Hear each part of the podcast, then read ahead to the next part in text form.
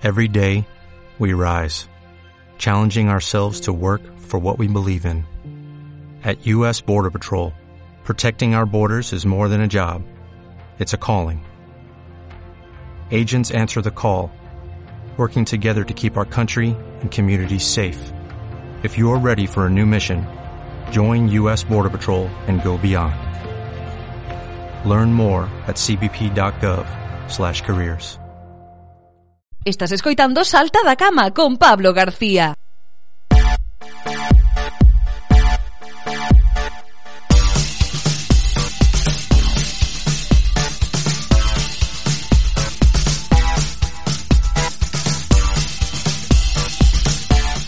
Cada vez estamos a ver máis eh, reivindicacións nas redes eh, do Consorcio Galego Consorcio Galego de Servizos de Igualdade e Benestar.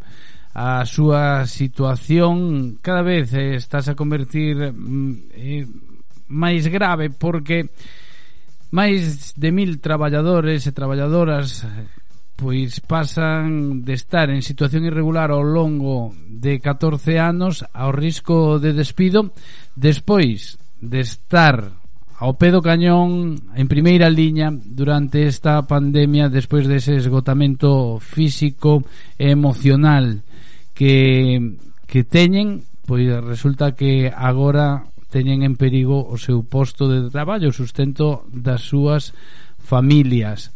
Falamos con Teresa Penelas, ela é a directora da residencia de Cerdedo, é membro tamén da plataforma Consorcio Galego en Loita. Moi bo día, Teresa. Moi bo día, benvida a Salta da Cama. Explícanos que é o Consorcio Galego de Servizos de Igualdade e Benestar.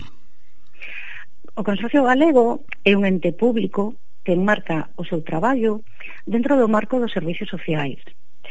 Os sectores máis coñecidos eh, son a Rede de Galiñas Azuis, que son os centros de cuidado de nenos de 0 a 3 anos, e logo estaría pois, tamén o sector do centro de maiores, que aí bueno, incluirían os centros de día, as residencias, os fogares residenciais e as viviendas comunitarias.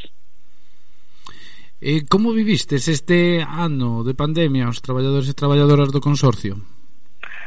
A ver, o comenzo de todo eh, con moitísima preocupación, vale? Sobre todo polos nosos maiores, porque, a ver, estaba claro que era un colectivo pois moi vulnerable nesta pandemia. Os usuarios eh, tuveron que aprender a vivir unha nova normalidade, vale, como uso de mascarillas, distanciamento de seguridade, uso de hidrosel. Os residentes pois, han estado confinados moitísimos meses sin poder pois, ter contacto físico con seus familiares, pois extrañaban pois, un bico, un abrazo, unha caricia E a pesar de ter contacto pois, por videoconferencia, a ver, as situacións son moi distintas. Entonces, eu creo que o fito do traballo pois, do día a día, por parte nosa, para que eses, eh, bueno, para que eles podan ter pois, esa normalidade na vida do día a día, pois, eh, ao final che pasa moitísima factura, sobre todo a nivel psicolóxico. Incluso... Tanto a usuarios sí. como a traballadores, vamos, a ambas partes. Uh -huh. Incluso, bueno, hai que traballadores e traballadoras que chamaban os usuarios dende a súa propia casa, que facían un sí, servicio telefónico. Sí, de feito, claro, eh, no, nos temos dous recursos, vale? Somos residencia por un lado, centro de día por outro. Uh -huh. A parte de centro de día, pues, pechou as portas o día 13 de marzo, e sí que durante meses, durante os principios meses de pandemia, pues, eh, tres veces a semana eh, facíamos as chamadas aos usuarios de centros de día, pues, un pouco para ver como estaban, ese apoio psicolóxico, eh, pues, incluso elaborado e ofrecíamos pues, eh, algún tipo de material didáctico para que as propias familias poderan ter eh, con eles na casa para poder seguir facendo esas actividades e esas cousas, pero bueno, sobre todo apoio psicolóxico, vale, porque foron eso, situacións moi duras, a todos nos pillou un pouco desprevenido, porque a ver, mm, ao principio de todo, pues que si era unha gripe, que si era un catarro, ao final víamos que sobre todo na xente maior pues, toda a cantidad de falecementos eh, que houbo, entonces o que había tamén era moito medo, vale, moita incertidumbre. Por que se crea a plataforma Consorcio Galego en Loita? A ver, se crea eh, para dar visibilidade a través das redes sociais, eh, dos medios de comunicación, a situación do persoal do consorcio que estamos a vivir neste momento. Vale, dar voz, eh, poñer cara as persoas que levamos 14 anos traballando dentro da rede do consorcio para pelexar polos nosos dereitos laborais e reclamar a fixeza dos nosos postos de traballo, que neste momento pois estamos en fraude de lei, despois de estar 14 anos traballando. Poñámonos en antecedentes, como accedestes ao, ao vosso emprego no consorcio? A ver, eu, no meu caso en concreto, eh, accedín a través dun concurso oposición, feito no 2007, pero sí que ven que, a ver, nas bases ponía, eh, especificaba temporal, esa temporalidade pois vai camiño de 14 anos, vale? Logo houve outras diferentes formas de acceso, vale? Porque en no seu momento se abriron listas para a contratación de persoal temporal, eh, tamén pois, a través de chamamentos de UNEM, porque no seu momento pois, esas listas se agotaban. entonces basicamente, houben a través de proceso de oposición ou de listas de contratación. Ao longo destes 14 anos, dentro do consorcio, como nos comentas, hai diferentes situacións laborais. A que se debe isto de que a administración incurra sempre, porque non é a primeira vez que incurre neste tipo sí. de ilegalidades ou irregularidades? A ver, eh, sí que hai diferentes situacións laborais, vale, polo que falábamos anteriormente. E eh, a que se debe? Bueno, a ver, eu eh, te comento un pouco o que é o, o traxecto do que é do consorcio. Uh -huh. No 2007 eh, se convocaron eh, as primeiras concurso oposición con carácter temporal vale, para poñer en marcha pues, un pouco os primeiros centros desta rede do consorcio, tanto de centros de día, residencias, eh, fogares, vivendas comunitarias e galiñas azuis. Logo no 2008 eu recordo que saleu unha segunda convocatoria eh, para os centros de día tamén, aí xa foron un pouco pois, máis eh, precavidos e sí que hubo un proceso concurso de oposición, pero con carácter fixo, vale, de feito hai compañeiras que sí teñen esa posición de fixeza.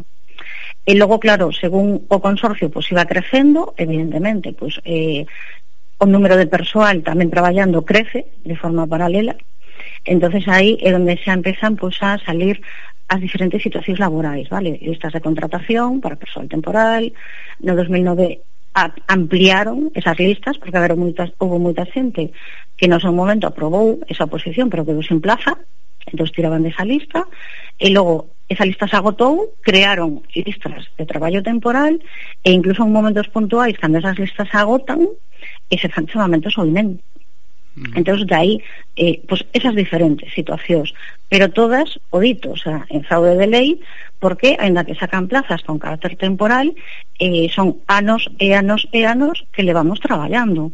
De aí ven ese fraude de lei ese abuso de temporalidade e que dende o, dos, pública. o 2007 ata agora non houbo ningún tipo de negociación coa administración para regular a vosa situación.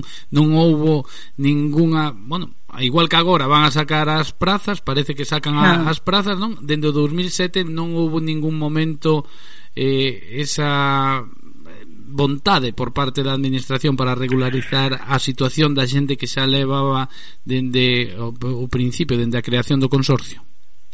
A ver, eh, no 2017 eh, os principais sindicatos, vale, Comisión, UGT e SIGA, eh, negociaron con Función Pública un proceso de integración vale, hacia o que o, o persoal eh, da xunta, por parte do persoal do consorcio.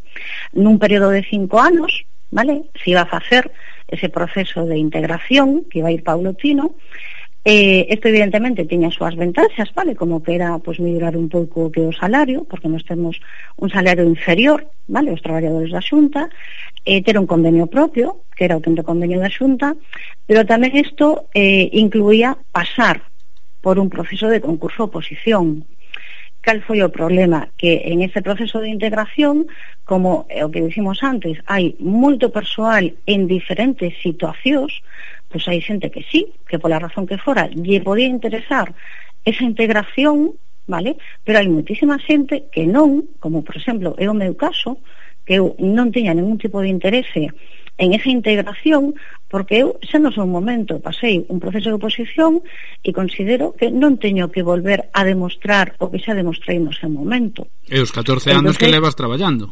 Efectivamente, eu creo que mm, non hai nada máis claro que decir, ostras, volver a facer outro proceso de oposición eh, para xente que xa o pasou no seu momento ou independentemente, a ver, eu teño aquí compañeiras que non eh, pasaron ese proceso de oposición pero levan 10 anos traballando, 11, 12 uh -huh. pois igual camín, eu creo que está sobradamente demostrada eh, a experiencia e, e o traballo que estamos facendo día a día.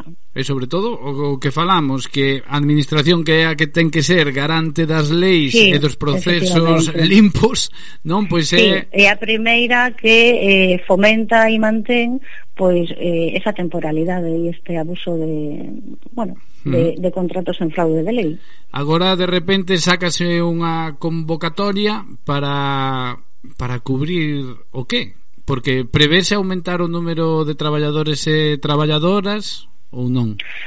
A ver, eh, a teoría di que sí, eh, a práctica eh, é o que se comenta, a ver, o que están a facer é eh, poñer unha relación de postos de traballo eh, convocadas como plazas públicas sobre unhas 1.200 plazas que non son novas, porque, a ver, están ocupadas por personas como a min eh, que levamos traballando aí 14 anos. entonces bueno... Mmm, realmente esas plazas eh, xa están ocupadas, vale? Co cal non son de nova creación.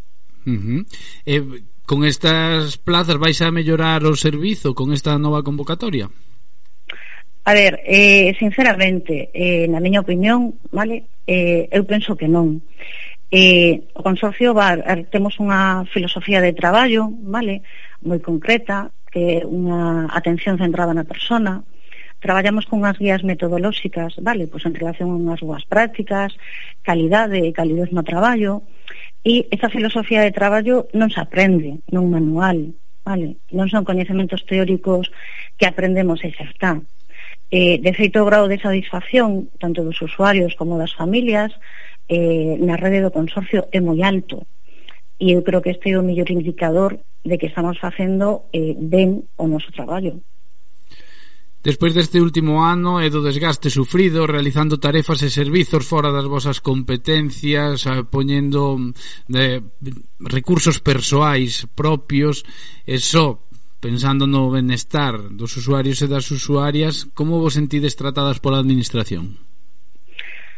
A ver, eh, decepcionadas, eh, ás veces, bueno, temos a sensación de que somos como traballadoras de segunda categoría, Eh, todo o persoal do consorcio, oso, o que diste, levamos un ano traballando de arreo nesta pandemia, eh, durante meses, incluso con turnos a veces de 12, 24, 36 horas, para reducir o número de presencias físicas nos centros e así poder minimizar vale? posibles contagios, persoal desplazado nas residencias habilitadas con usuarios contagiados pola COVID, e dende sempre eh, eu creo que dimos o mellor de nós vale? Sempre puxemos a mellor cara para non preocupar aos nosos usuarios e que poderan levar a vida o máis normalizada posible. Se puseron en marcha os plans de accións en todos os centros en relación a situacións de contagios que ao final deron moi bons resultados porque a taxa de contagios dentro dos centros da rede do consorcio tanto a nivel de usuarios como traballadores foi prácticamente nula Entonces, eh, sabe, sobre todo o apoio recibido por parte das familias e os propios usuarios, esa decisión eh, o ver, vale, pois pues ese apoio convirtese en satisfacción polo noso traballo ben realizado. Referente ás oposicións, sentides que partides en desvantaxe fronte a outros opositores? A ver, eh, clarísimamente sí. A ver, eu eh, mm, está claro que eh, en ese momento que nos o que estamos facendo é eh, traballando, vale? porque realmente o que temos que facer, dedicarnos aos nosos maiores, vale? que para nós é o máis importante. Eh, entre que a maioría do noso colectivo somos mulleres, pois entre 45, 50 anos aproximadamente, eh, todas temos cargas, pois eso, laborais, temos cargas familiares, porque realmente, pois, eh, que non ten pequenos, pois ten maiores a cargo.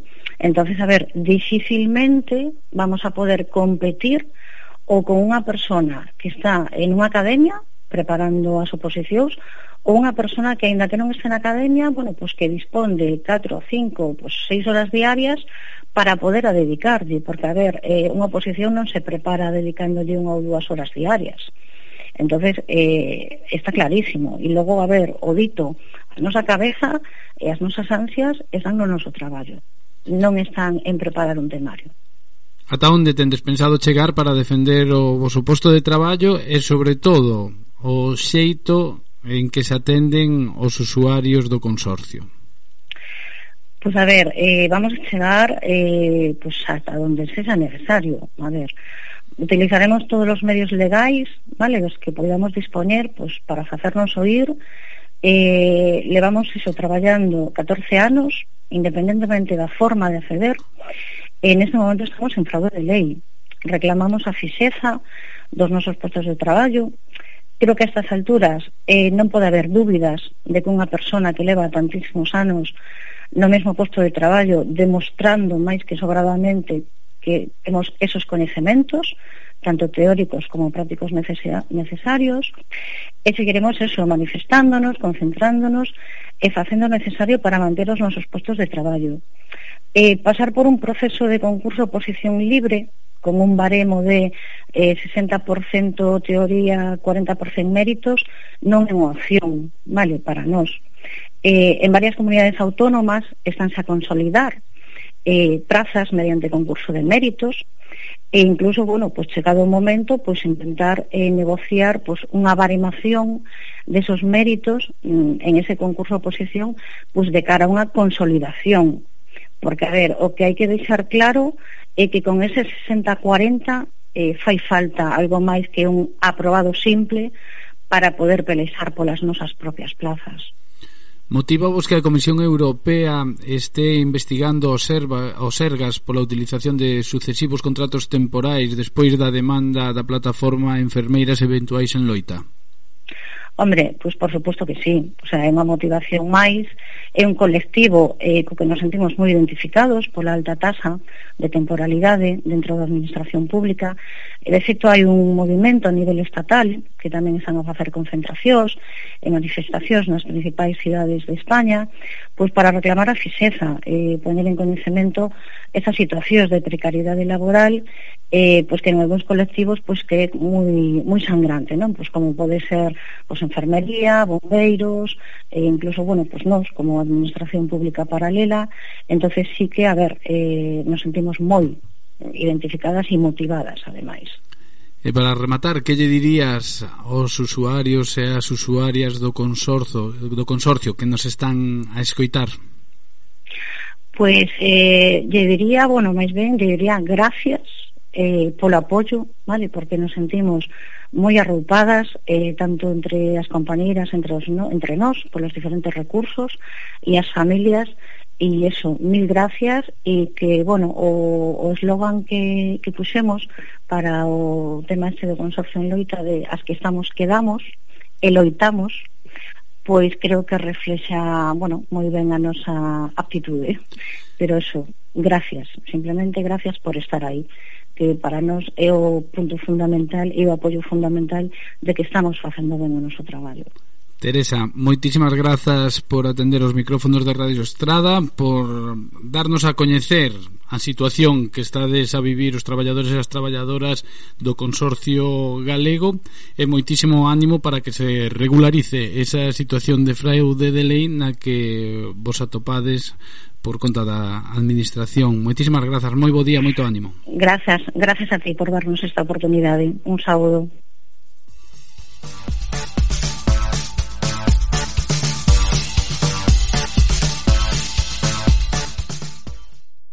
Unha radio viva e o servizo da audiencia, Radio Estrada.